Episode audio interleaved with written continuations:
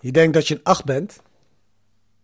Boek Evolution van Joe Manganiello. Je kent Joe misschien van de Magic Mike films.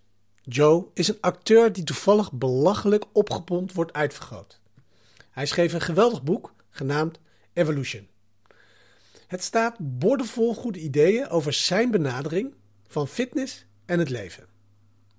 Hier is een van mijn favoriete zinnen. Waarheid. Je denkt dat je aan het trainen bent op een 8. Je traint eigenlijk op een 2. Het kan me niet schelen hoe lang je al aan het trainen bent. Dat is gewoon de realiteit. Als dat je gevoelens gaat, spijt het me. Het wordt tijd dat je je baseline, je basislijn, opnieuw instelt om de intensiteit te bepalen. Ja, dit is echt gewoon een van mijn favoriete regels van ooit. Je denkt dat je op een 8 staat, maar je bent echt op een 2.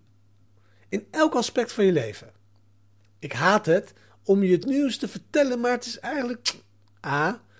Eh, vrijwel zeker toch? En B, denk ik voor ons, super, super, super spannend, omdat het wijst op een heleboel mogelijkheden voor optimalisatie. Ik denk de truc is dat we een stap terug moeten doen. En we moeten ons eerdere best analyseren en dat tot onze nieuwe baseline maken. En dus de vraag van vandaag is: welk gebied van je leven heeft volgens jou nog meer werk nodig? En laten we eerlijk zijn: werk je rond een 2? Geen probleem. Hoe zou een echte 8 intensiteitsniveau er voor jou uitzien?